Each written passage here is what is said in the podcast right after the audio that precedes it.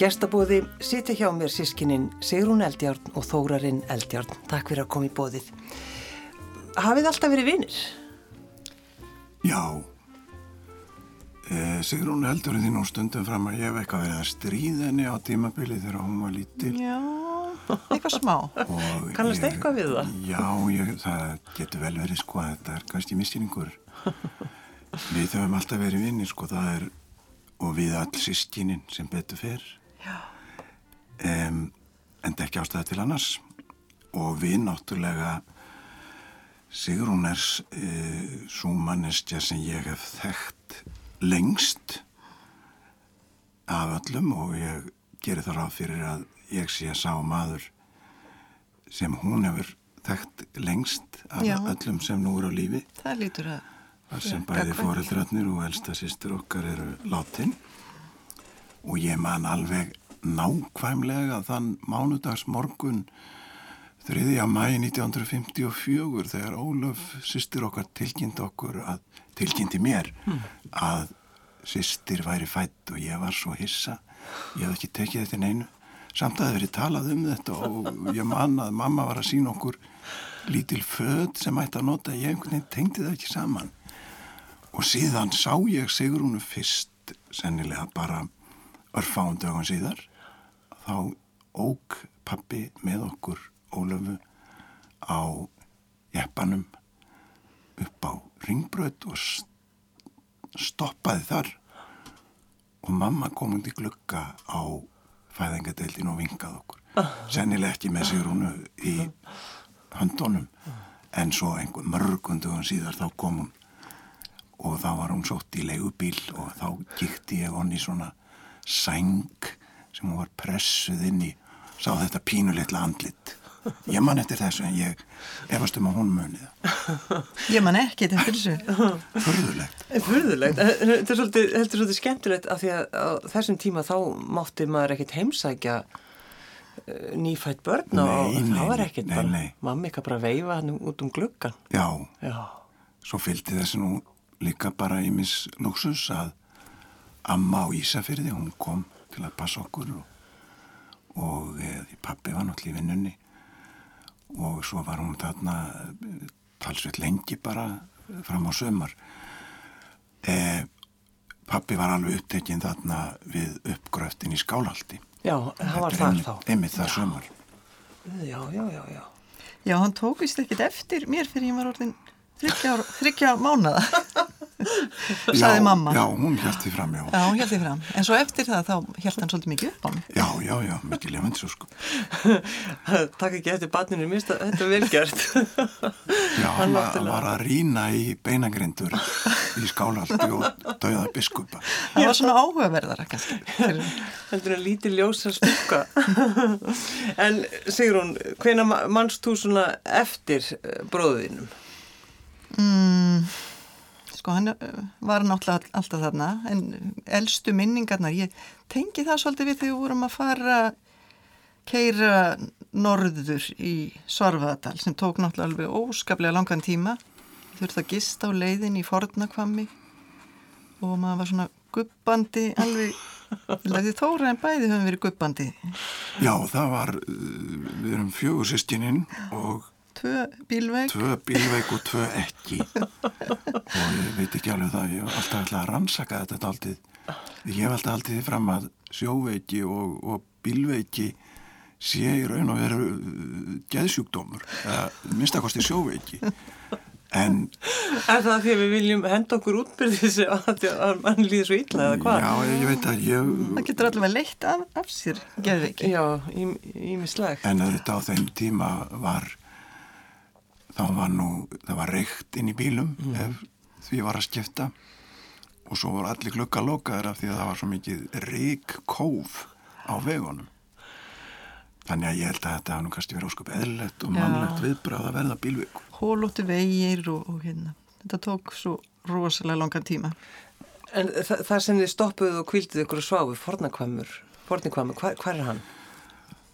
Hann var uh, efst í Norðuródalnum þar sem að, maður svona fer senn að leggja á Holtaveriðinu. Já, akkurat. Það er ennþá skildi sem stendur forningvamur en, en það er ekki tús lengur. Já, það var nú kannski ekkert mjög oft sem að þurfti að gista þar, það var þá kannski eitthvað var að veðri og svoleiðis. Mm.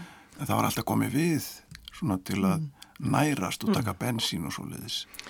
Já, þannig að síðan þú semst byrjar að, þú tókst eftir honum bróðinu þegar þið voru guppandi semst á leiðinu norður.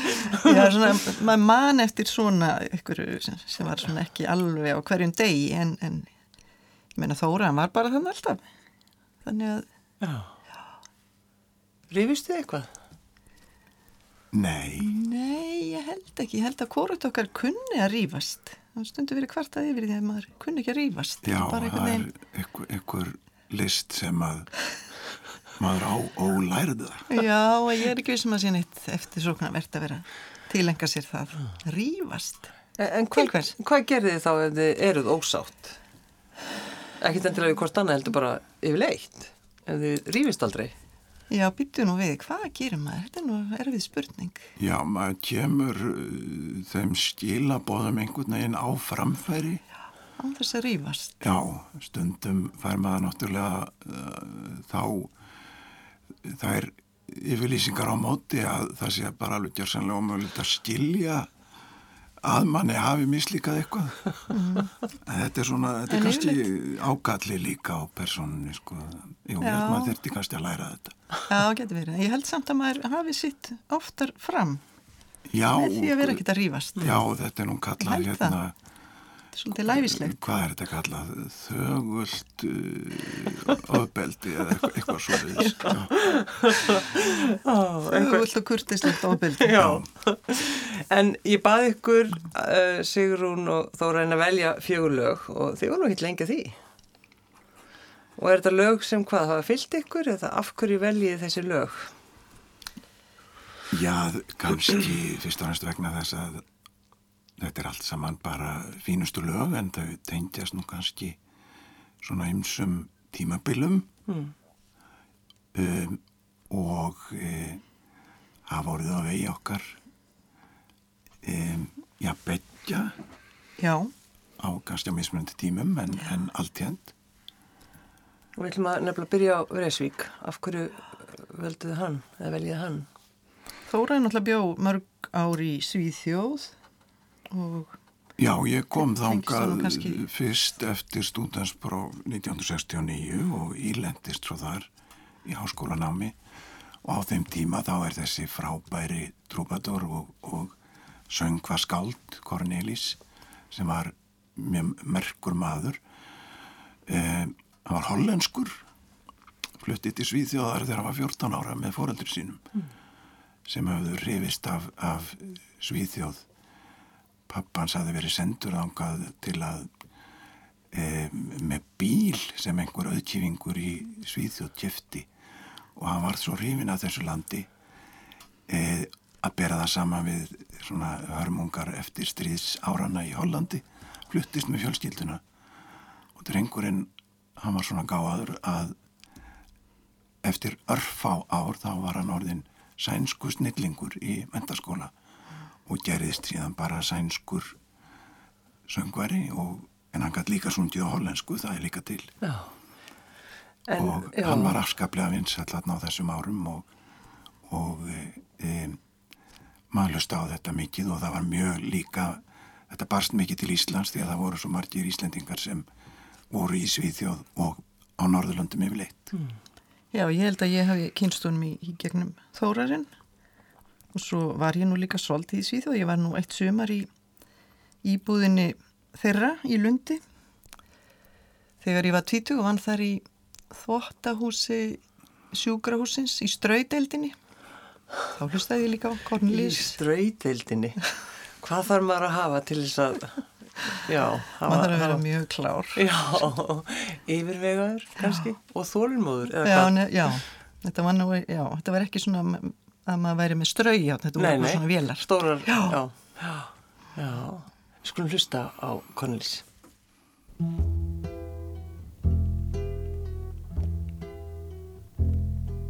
Från Öckerö logers dragspel och bas. Fullmånen lyser som vaden av glas. Där dansar Fredrik Åker kind mot kind med lilla fröken Cecilia Lind. Hon dansar och blundar så nära intill. Hon följer i dansen precis vart han vill. Han för och hon följer lätt som en vind. Men säg, varför rodnar Cecilia Lind? Säg var det för det Fredrik Åkare sa Du doftar så gott och du dansar så bra. Din midja är smal och barmen är trind.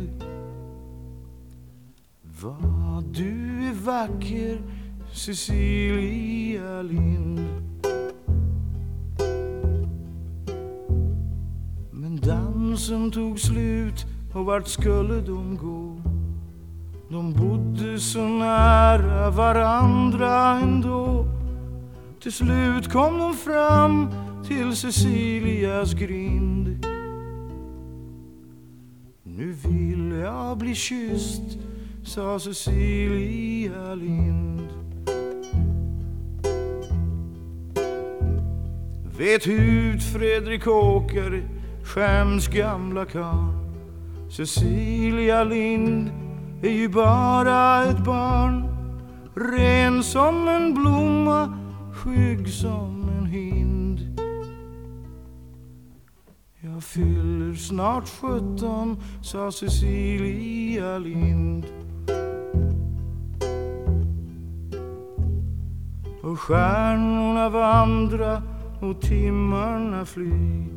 Och Fredrik är gammal men månen är ny Ja, Fredrik är gammal men kärlek är blind. Och kyss mig igen sa Cecilia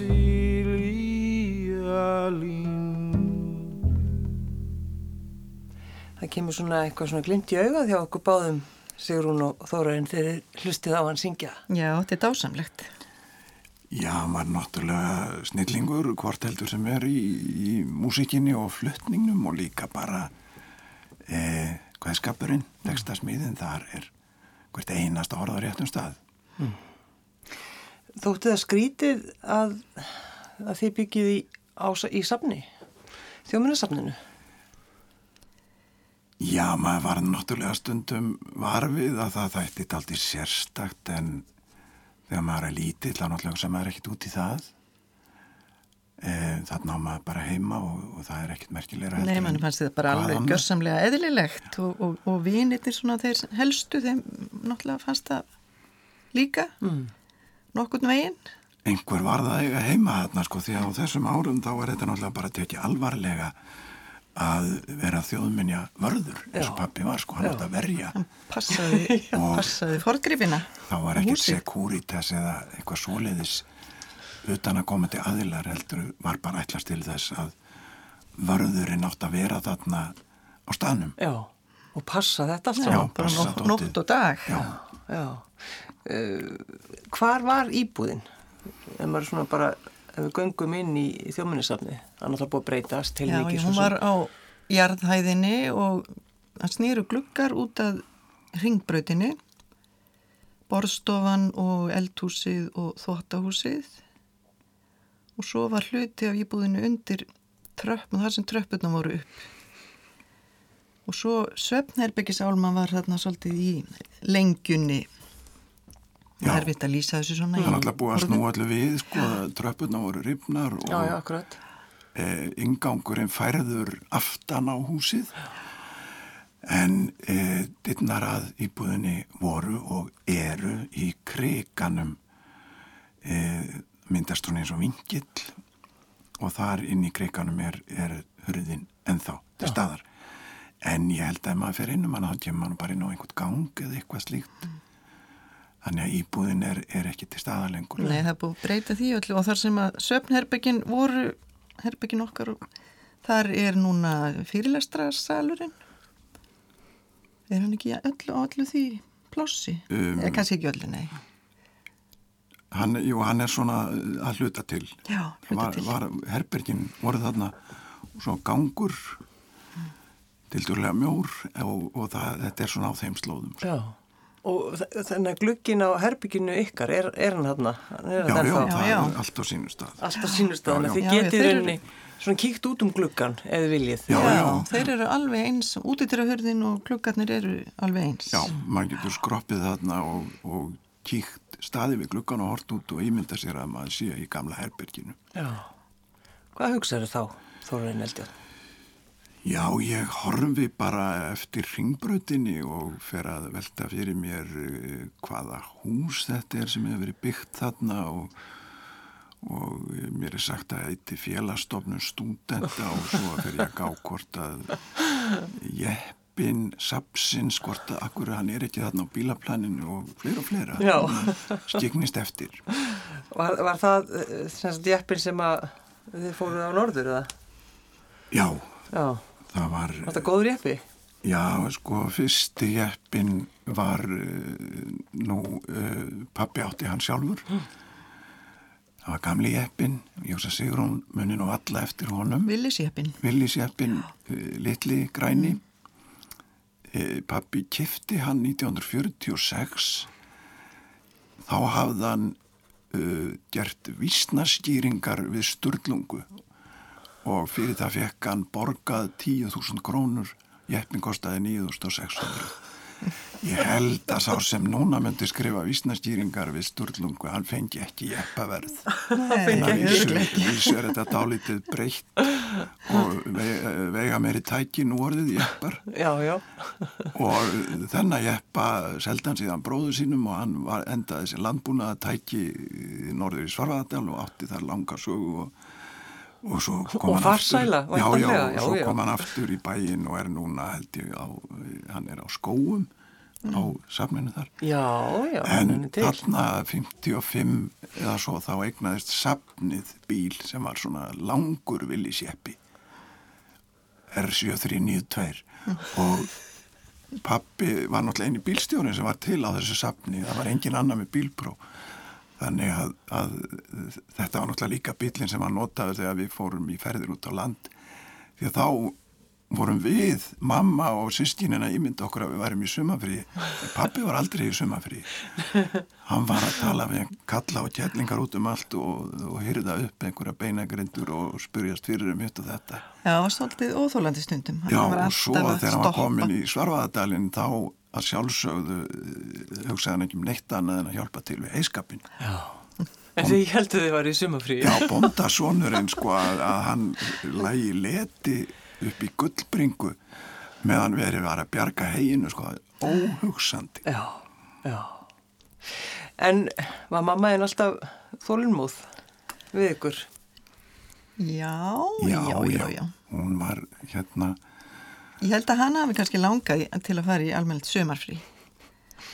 En, en þetta var, voru bara svona ferðir. já, já, það, þetta, En þetta var bara lífið. hafði kosti og, og galla sjálfsagt líka en það, þetta var ekkit stór vandamáli eða neitt svoleiðis og hún talaði nú oft um þetta bara svona frekar í gríni Já. En, en var, svona, var mikill ægi á heimilinu hjá okkur? Bara svona, eins og gengur og gerist. hvorki nýja held ég. Við erum ekkit, ekkit mjög stránglega uppalinn og heldur ekki að, að það við, við höfum átt gera hvað sem var sko. En okkur kannski þá svona frekar treyst til þess að að reyna að halda okkur meira og minna á réttu róli. Já, og eh, ég, ég held nú að bæði pappa og mamma hafa einhvern tímann talað um að spurðum uppeldi að, að þau te- telji sér bara aldrei nokkuð tíma að hafa verið með neitt uppeldi, það bara gerðist alltaf sjálfur sér. ertu samlað því sér? Já, ég er alveg samanlega því. Ég man alveg eftir þegar mamma sagði þetta sko. Hún hefði ekkert alveg börnin sínu upp, þau bara alst upp. Þau ólustu upp. Já. Já, Og ég var þetta ekki bara meira minna svoleiðis á þess, þessum tíma? Já. Voru með likla þá af, af þjóðmjörnarsafninu? Já, að þessir útidýra hurðu okkar. Náttúrulega. og þaðan var nú Það var nú oft ekkert auðvelt- næst. auðvelt að komast inn í safnið því að það var innan gengt og um, svo var nú eitt svona verkefni sem við þurftum stundum að sinna það var að fara svona að- kvöldi til fara upp í safn og setja sérstaklega næturlás á útidurnar sem voru þarna við, sko, við tröppurnar sko. Og það var svona stundum uh, var manni um og ó að ganga í gegnum dimma uh, sali. Og, man voru þið send að gera Já, þetta? það, það kom fyrir, sko, það var ef að þau voru ekki heima og, og svona stöku sinnum, þá var, höfðum við þetta verkefni og, og þá bara gildi að, að ganga nógu hægt og anda mjög rólega og, og til að fara ekki í panik, sko, Já. ef maður er einhver skrítin hljóð. Já. En við fórum sko, því að það var innangengt eins og Þóraðan sagði í safnið og maður fór mjög oft um safnið þegar það var opið og heilsað upp á gæslukonurnar. Já, það voru margar konur, eldri konur sem sátu þar Margar í peysufötum. Já, það var nú kannski svona einhverju leiti allast til þess að það væri tóltið þjóðlegar í útliti og þarna áttum við mjög góðar vinkonur sem að sumar sögðu sögur og voru með sælgæti Já, voru með sælgætt brjósikur. brjóssikur. Ekki bjóði móla. Já. En, en var, var draugagangur þarna? Nei, Nei, held ekki. það eh, kannski eh, vorum við bara öll þannig að vera gjörsanlega ónæm fyrir öllu slíku en maður var hins vegar oft spurður eða heyrði það að þetta þótti skrítið að, að, að búa í húsi innan um beinagrindur og, Já, já, og svo var náttúrulega alltaf sömu brandarættin sem voru, maður var spurður að sko, ef, ef maður var spurður að heimilisfandi einhver staðar sko og maður sagði, já, þjóninni er safnin já, hvað ertu þá bara einhver safngripur? Og Já, já. þá þurfti maður stundum að hlæja kurtislega sko að, að, í staðan fyrir að segja að sagður nú þetta enn einu sín þannig að lendur á því sem allir segja Þetta var náttúrulega svolítið asnalegt heimilisfang, sko, þjóðminja safninu, Já, já. Reykjavík. Já, ég man að einhver tíma þá komst ég að því að heimilisfangið var Suðugata 41 og einhver tíma reynd prófaði ég að nota það Já, það virkaði ekki. Nei, það er svona Það er ekki engin hugmynd um hvað hús það var. það var Suðugata 41 Já, en, en högstokkurinn, þeir löpuðu fram í honum. Hvernig fannst ykkur það?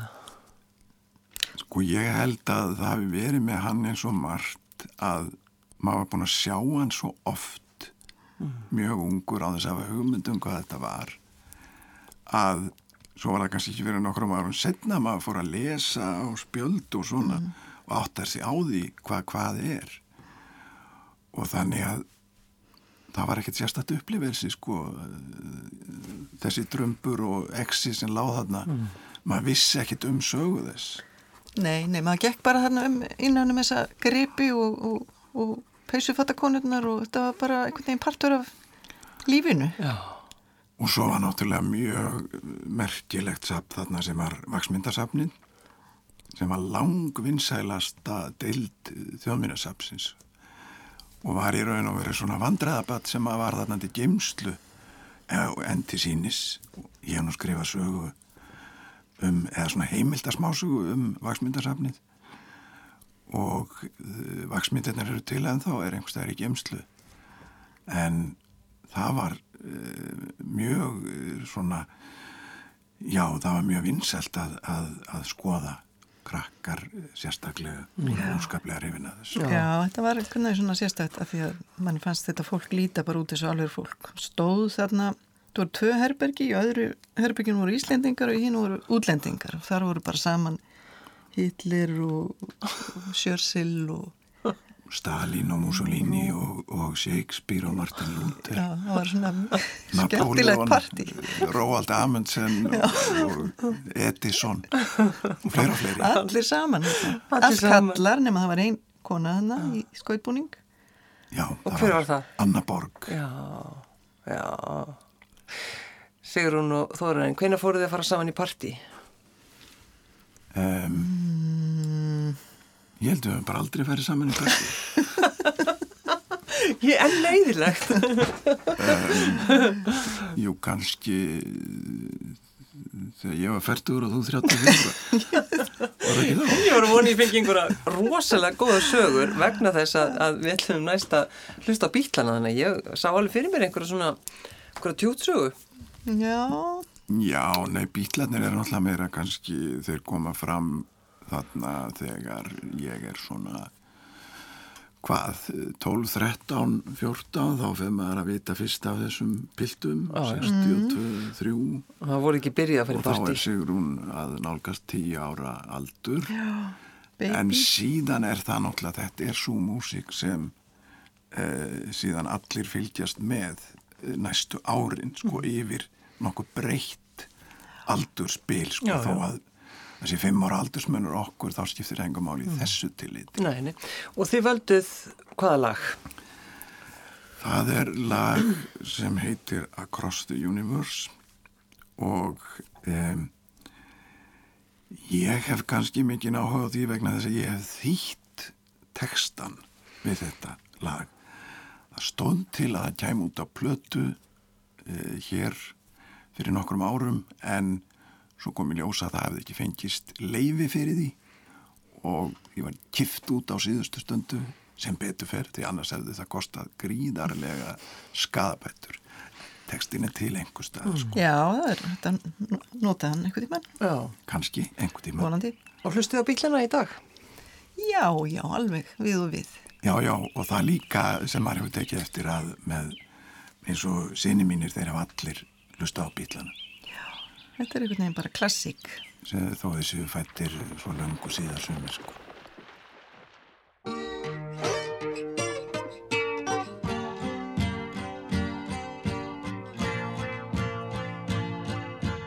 Words are flowing out like endless rain into a paper cup. They slither wildly as they slip away across the universe. Joy are drifting through my opened mind, possessing and caressing me.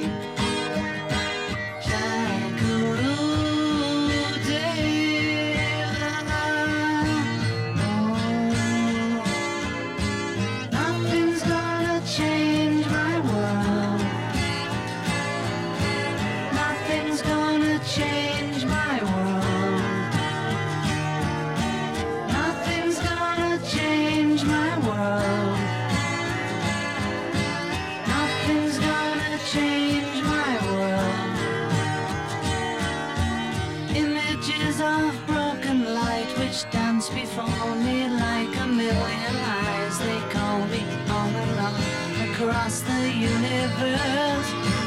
Floats me under like a restless wind inside a letterbox.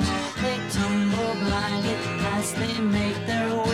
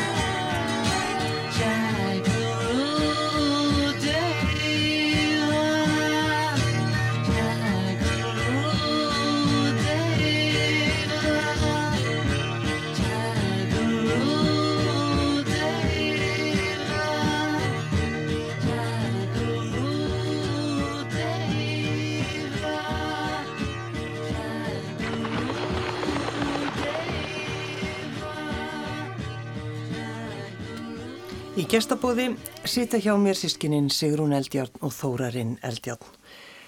Hvenar fluttuði svo að bestastæði? Hvað ár var það? Það var 1968. Voruð þið tilbúin í þessar breytingar? Mér fannst það nú svolítið erfitt. Ég var 14 ára og unglingur og mér fannst ég verið að flutt langt, langt upp í sveit og já, svolítið svona, þetta var spennandi en svo líka svolítið erfitt. Já, Það fór, það fór stræt og sko allarleið út á Altanis tvísvar í viku held ég. Þetta er bara óþarfið að fara að náttar, tvísar í viku. Þannig að svona samgöngurnar voru svolítið. Já, þetta er aldrei sér fyrir sko, þetta er hvað, 15 kilometrar frá Lækjatorki og en samt bara eins og sveit. Já, Ég var að byrja í sjötta bekka í menturskólanum þegar þetta var og ég, man nú bara að, fyrst eftir að maður kom þarna á þennan stað sko það var svona alltaf þetta álítið óraunverulegt og skrítið, furðulegt. Og um, en svo bara vandist það eins og allt annað maður bara tók því, svona er þetta nú bara maður bara, nú var maður bara heima þarna. Og það var náttúrulega kannski lík út af því að við hefðum náttúrulega alltaf búið á sama stað sko, ég var ekki nema eins ást ef við fluttum inn í þjóðminnisefni mm. og þetta þykir manni langur tími en svo eftir á sko þá er þetta bara örstuttur tími átján ári í safninu. Ég er búin að búa ásvallagötinu miklu lengur. En kostningabarattan muniði vel eftir henni? Og var, var, svona, var, var það svolítið töf? Ég man ekkit sérstaklega vel eftir henni en, en það vildi svo sérkennilega til að ég var í bekk með Marju Tórótsen sem er dóttir Gunnars Tórótsen sem var þarna í frambóð á móti pappa. Það var náttúrulega svolítið vorum í, hérna, ég var með henni í bekk bæði í meðlaskólanum og hagaskólanum. Þetta er nú reyninu bara mjög sérstakt. Já, við vorum með þessi saman í saumaklúb og bara ákveðt svinkonur. Já. Og var, og var talað eitthvað um þetta þá í bekknu? Eða var, öruglega, ég man ekkit sérstaklega eftir því þannig að það trublaði mig ekkert þannig. Nei. Ég held að við þjóðum ekki upplifað þessa kostningabaráttu neitt mikið á sama hátt og kannski ymsir aðri sem voru á, á bóla kafi í einhverjum uh, að, að berjast fyrir hvort kandidat fyrir sig. Af því að við vorum náttúrulega ekkert inn í því og vildum ekki vera og var ekki allast til þess heldur. En það var oft talað um að þetta hefði verið hatramt og og uh, alls konar sögur og illmælgi en maður vissi ekkert hvað það var og, og ég uh, veit það líka að, að pappi til dæmis hann lagði bara mikið upp úr því alla tíð að það væri aldrei verið að tala eitthvað illa um mótframbíðandan sem bara undirstrykkaði að hann hefði alltaf verið og væri hinn mætasti maður Já. Full virðing borin fyrir. Já, það var aldrei nokkur tíma talað öðruvísi. En hann fekk, er það ekki alveg afgjörandi kostningu, pappikar? Eða hvað? Jú, jú, hann fekk uh, 65% atkvæða Já. og sumum kjördæmum, til dæmis minni mig að við verið í öss, á östfjörðum, þá var það jafnvel yfir 70 og merkilega stótti líka að hann var líka með mjög góðan meirilut í Reykjavík. Var það eitthvað sem fólk, fólk bjóst ekki við? Eða, Já, það, að vísu það, sko, skoðanakannanir voru náttúrulega á þessum árum ekki neinum föstum farvegi en það var verið að gera alls konar kannanir á vinnustöðum og hér og hvar Já. og eftir á higgja mátti vel sjá að það allt bara sagði þetta en einhvern veginn fólk vildi ekki trúa því en þetta er, þetta er held ég þetta er uh, sáfósiti sem hefur verið kosin með mestum atkvæðastyrk já. Fyrir utan að uh, Vigdís fekk á sig eitthvað svona skringiframbóð á miðjumferli og þá gæti hún fengið 80% Já, eða eitthvað svona. já, já, maður man, maður man nú eftir því. Já. En þannig að það hefur verið kannski einhver hópur sem að hugsaði, já, auðvitað Gunnar Tóratsen bara að verða fósiti, því hann er náttúrulega, var tengdur þann inn. Já, hann hefur verið kannski svona að passa betur við þar sem hafi verið á undan. Já, áreðanlega Hann var semst tengda, Tengdasonur Áskers. Já. ástjés Já. og sjálfsagt uh, hefur hann skoldið þess frekar en að hann Já, grætta það sko þegar uppi staðið. En svo er ímsið sem vildu fá eitthvað svona úr menningargeiranum, ekki pólitíkus. Já, það náttúrulega uh, tveir fyrri fórsetar hafðu uh, verið tengdir uh, hvað skal maður segja? Stjórnmálalífi, að vissu var Sveit Björnsson kannski ekki beinlinis ekki beinlinis stjórnmálamaður. Hann, hann kemur sem uh, þegar hann verður ríkistjóri þá hafði hann verið sendiherra lengi í Danmörku. En samt hann var tengdur svona stjórnkerfinu, embetsmannakerfinu því, því sviði. En Ástjær var náttúrulega uh, pól, pólitíkus, hafi verið ráðherra og, og þingmaður og uh, Gunnar Tóruðsson átti að sjálfsögðu líka þá sögu, hafi verið borgastjóri. Og, En síðan einmitt þegar hann uh, stígur út úr pólitíkinni og gerist sendi þeirra þá töldu margir að þar með væri hann að markvist að byrja að vinna að því að bjóða sér síðan fram og kannski var það eitthvað sem fólki hugnaðist ekki en síðan skipti þetta miklu máli að það væri líka hægt að kjósa fórseta úr allt annari átt úr menningarlífinu mm. og það hefur síðan orðið reyndin með Vigdísi og svo núna með Guðna. Guðna. Já. Já, já, pappi var líka orðin svolítið svona sjónvarstjarnar hann. Var með þáttinn munir og minjar í sjónvarpinu sem var geysi vinsæl. Já, hann var, varð uh, kannski þekktur út um allt á því sviði en Það máli. mjög þekktur sem, sem fræðimaður og, og þjóðminjaverður. Já, þannig að þetta var góð auglýsing. Þetta var svolítið góð auðlýsingar. Reyndar var, var hann náttúrulega alltaf að ferðast út um alland Mm. og, og hérna, skoða hinn ímsu byggðarsöfn og, og En fannst, Fornminjar. en fannst honum ekkit erfitt að hætta þá að, að, grafa upp beinagrindur, bara svona svo Jú. við höfum þetta, einföldum þetta. Jú, ég held að afskaplega, ég held að sko hann gekk náttúrulega ekki, ekki sko ákafur og fús til þessa leiks heldur letan til leiðast í alvöru. Já, það var ekki bara það að menn hafa komið að máli við mig sko heldur. Menn kom að máli við hann aftur og aftur. Og sögðu þetta alveg viss, þetta alveg viss, þetta alveg viss þar til hann let undan. En hann held alltaf sínum uh, tengslum við fræðin og kannski fekk hann að sumuleiti bara betri tíma til að sinna ymsu eftir að hann kom á bestastæðu til dæmis reitt sem hann gerði að hann hætti ekki að vera reittstjóri árbókar fallegafélagsins heldur vann hann það áfram og hafði kannski meiri tíma til þess en áður. Svo hafði hann nú þá skoðun sem þá var held ég bara líka alveg sjálfsögð að forsetin hann á ekkert að vera þvælast út um allar koppagrundir eða út um allar heim sko maður sagði þetta á að vera svona náungi sem uh, fólki þykir þægileg tilhugsun að hann sé þarna en að hann sé eitthvað rosalega mikið að skipta sér af fólki eða það sér að honum sko það er algjör óþarfi sérstaklega ekki að fólki í öðrum löndum. já, Já, en, en nú tíminn eh, myndi ekki vilja hafa það þannig og Nei. þetta embæti hefur auðvitað breyst uh, jamt og þétt. Þannig að við hverjir einustu fórsettakostningar þá er í raun og veru verið að kjósi allt annað embæti heldur en var. Var mamma ykkar sátt við þetta hlutskipti? Að fara á bestastæði?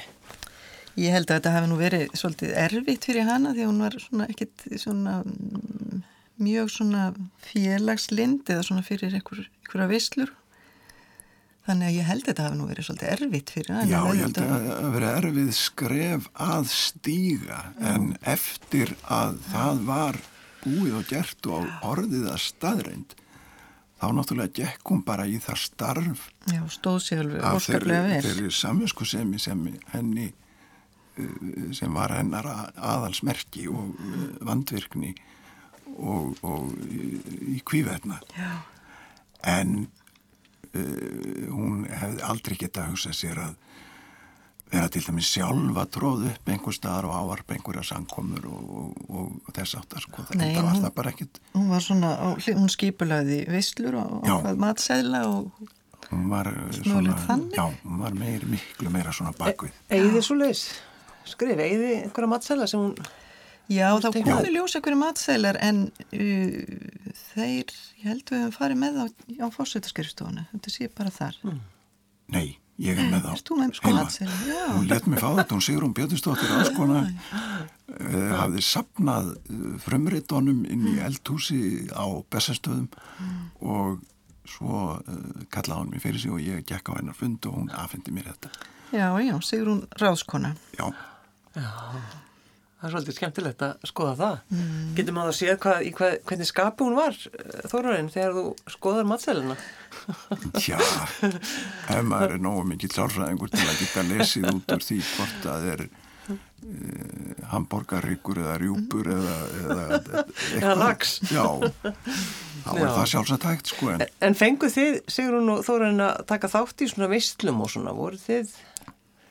Maður var meira svona í að borða afgangana. Já, Það var mjög gott. Það var kannski einstakar sinnum en Það var einstakar sinnum eða var eitthvað svona kannski minna selskap af fólki sem var uh, áhugavert á það nátt að það var úr menningarlífinu og þess áttar þá kom það fyrir að, að sagt var, vilt þú ekki bara vera líka sko? En að fara að taka þátt í einhverju móttökum og svoleiðist, það var gjörsamlega fráleitt.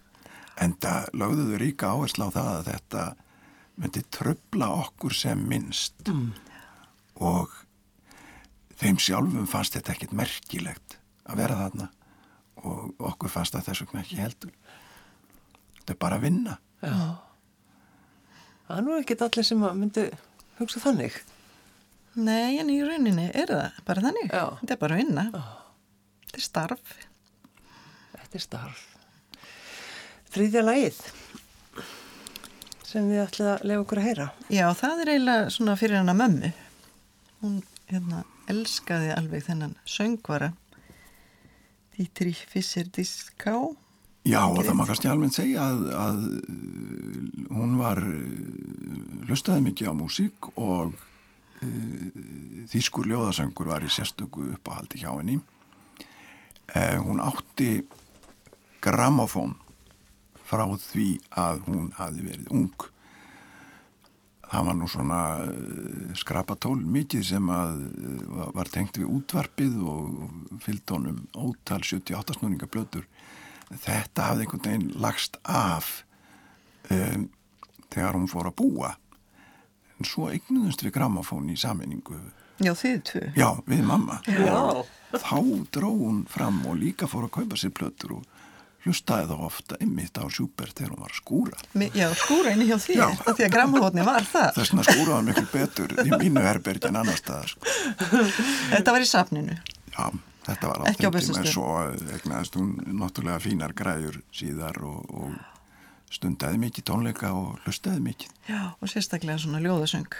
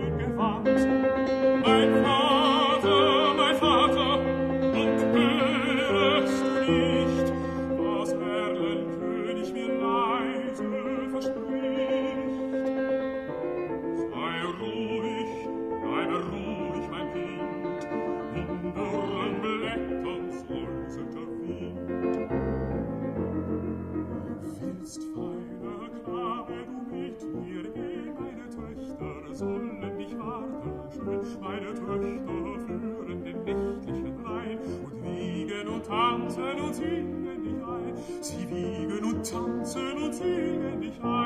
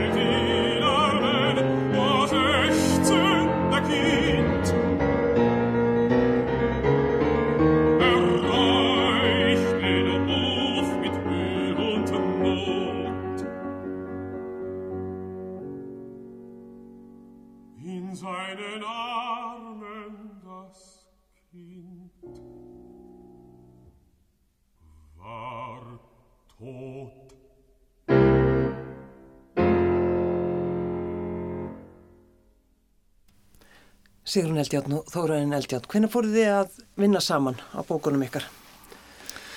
Það mun hafa verið 1974 þegar fyrsta ljóðabókinast Þóraðins kom út sem heiti Kvæði. Þá baðan mig að myndskreita hana. Þá var ég tvítug. Já, og þá, var, þá þegar var Sigrún orðin myndlistamæður, síndi hæfileika í þá átt mjög snemma og eh, hún myndskreiti þessa ljóðabók sem kom út þarna haustið 74, fjölrituð og síðan þegar Disney rýmur kom út sem var 1978 þá myndskreittir þær líka Já, það höfðaði mikið til mín út af að, að því ég er alin uppið Andri Sönd. Já, Þú náttúrulega líkast. Já, einmitt, á dönsku Átans. Að sjálfsögðu dansku. en að Andris önd er dansku Hann er býr í Danmörku. Já, Þetta já. vitum við öll. að sjálfsögðu Þórarinn. já, En, en svo, svo koma ljóðin fyrir, fyrir börnin og þá, þá einhvern veginn svona, já, sláðu því í gegn.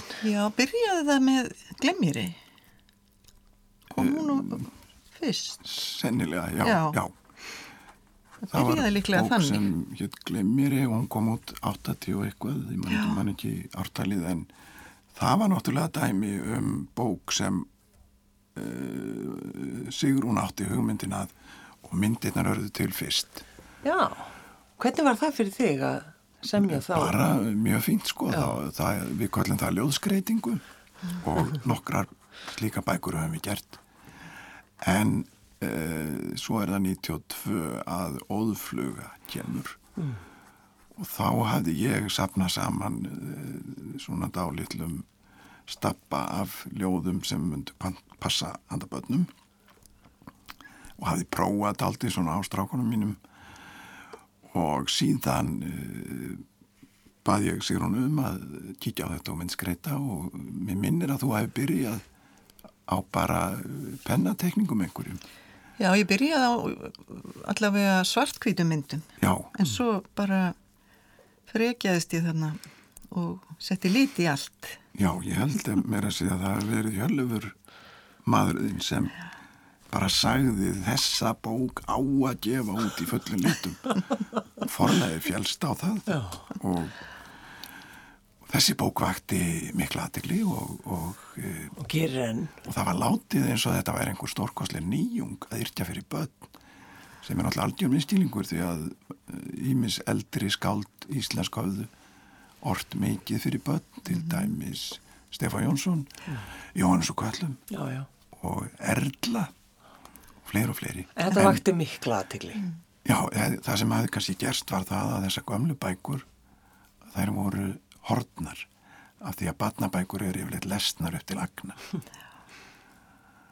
Og svo bara heldum við þess áfram. Já. Gáttum ekki hætt. Nei, Og eruð ennað, er það ekki? já, já, já, Já, já, þetta eru hvað, komið átta eða nýju eða eitthvað svo liðis. já, eða tíu, ég, Já, það fyrir eftir hvernig það talið, sko, hvort ljóðskreitingarnar koma inn í eða ekki. já, það er, er alltaf erfitt að telja bækur ef ég teki eftir. Verða ekkert að því. Talið þið saman á hverju minnsta deg? Nei. það gerum við ekki.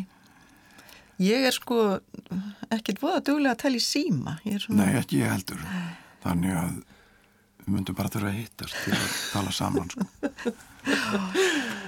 já, þetta er kannski bara að gera það oftar. Já, já, Að ég held að, já, Það er mjög góð hugmynd. Þá er í rauninni komið að lokalæginu og það er svona, hvað, ættarlag, einhvern veginn. Hvítu kvöttur. Já, þetta er hérna sonur minn og sonur Þórarins Kristján sonur minn og Haldur sonur Þórarins þeir eru saman í hljómsveit sem heitir Sigur og hafa verið, ég held að Sigur sé orðið tíu ára gömur hljómsveit Frábær hljómsveit. já, það var Frábær hljómsveit, bara stuð- einhver mikil amma- stuð. ammælishátíðum daginn. Já. sko. En þetta er þegar þeir voru bara fyrir þennan Sigur tíma þá voru, voru þeir saman í hljómsveit sem hitt Tinslit og svo nú nýlega þá endurvöktu þeir hana með einu lagi sem að þeir settu á netið og þetta er að finna á Spotify Og það er hvítu, kvö- hvítu kvöttur. Sigrun Eldjárn og Þórarinn Eldjárn, takk fyrir að koma í gestabóð. Takk fyrir Já, takk sem leiðis. Ég klappaði hvítum kjötti í nótt. Meðan glitrandi skurðgröfur bæjarins byggu sig rót